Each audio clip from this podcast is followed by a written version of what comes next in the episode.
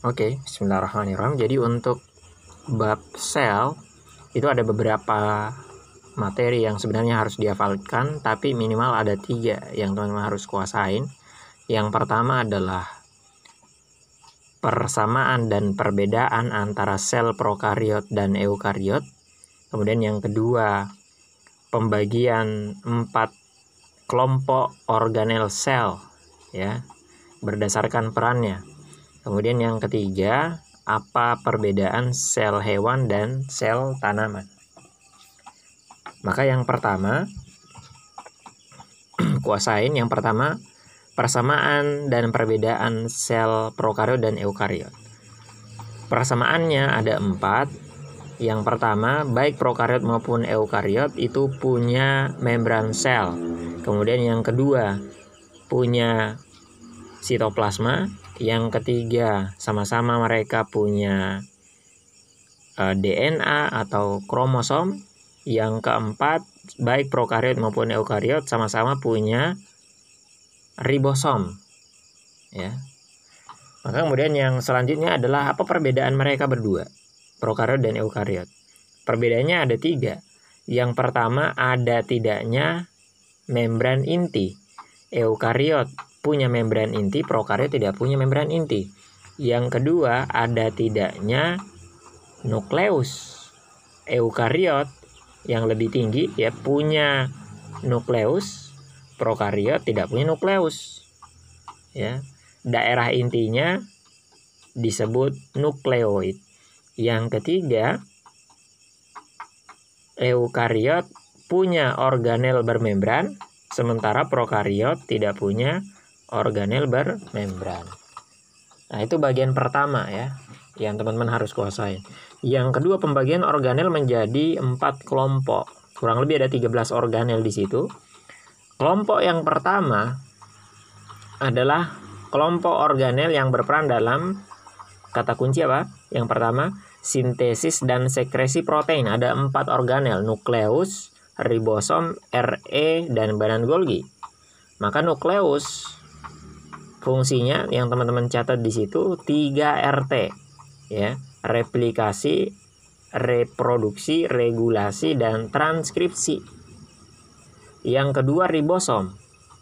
Or, uh, fungsinya ada kata kuncinya ada dua ribosom.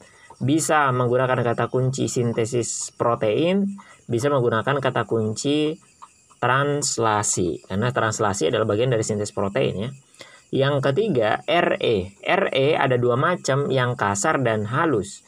RE kasar berperan atau berfungsi dalam e, modifikasi protein sekaligus sekresi protein. Yang keempat, badan Golgi juga sama fungsinya yaitu sekresi dan apa namanya modifikasi dan sekresi protein. Kemudian kelompok yang kedua adalah kata kuncinya konversi energi atau metabolisme.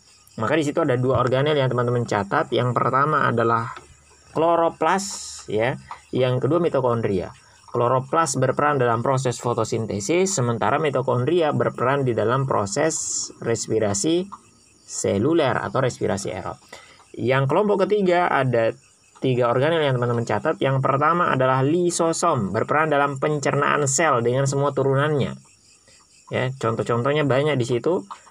Uh, yang ke apa namanya yang selanjutnya ada uh, badan mikro yang ada dua kelompok di situ teman-teman catat ada namanya proksisom yang kedua glioksisom proksisom itu untuk pencernaan khusus yaitu pencernaan racun ada di sel hati ya.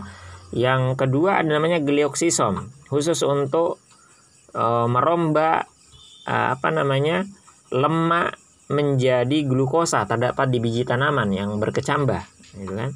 Kemudian yang selanjutnya ada vakuola. Vakuola ini sendiri secara umum fungsinya adalah untuk menyimpan cadangan makanan.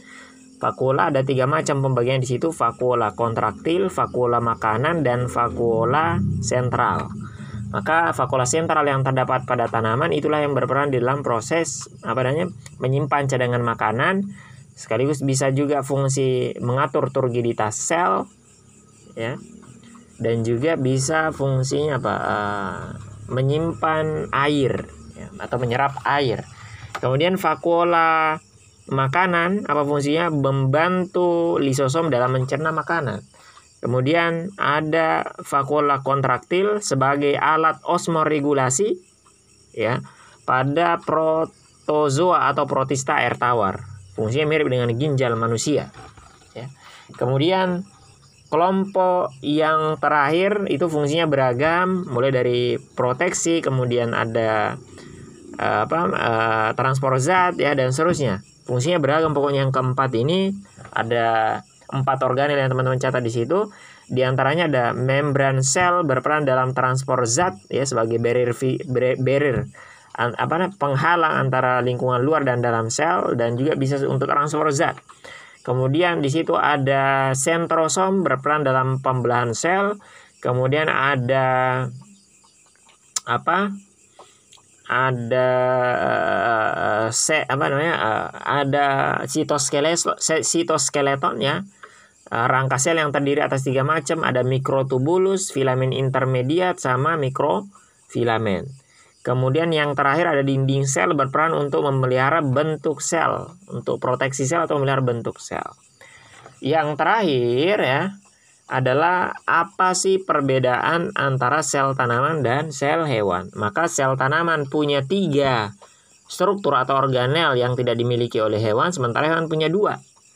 Apa itu? Yang hewan dia punya dua berupa lisosom dan sentriol. Ya, pada tanaman gak ada. Sementara tanaman punya tiga. Ya, tanaman punya tiga. Tanaman punya dinding sel, uh, hewan enggak. Kemudian tanaman punya vakula, vakula sentral, hewan enggak. Kemudian terakhir tanaman punya plastida, hewan enggak. Plastida terdiri atas tiga macam berdasarkan pigmennya. Ada kloroplas uh, berperan dalam fotosintesis, ya. Kemudian ada kromoplas menyimpan pigmen uh, untuk mewarnai bunga misalnya. Yang terakhir ada leukoplas tidak menyimpan pigmen tapi dia menyimpan cadangan makanan, ya. Ya, sekira itu saja ya, tiga materi. Sebenarnya ada yang lain juga, teman-teman bisa hafalin sendiri sisanya, di antaranya konsep membran sel, seperti apa struktur dan fungsinya. Kemudian transport zat juga di situ ada, penting untuk dipelajari. Tapi minimal kuasain tiga yang kita baru sebutkan ya. Oke, okay, see you next time.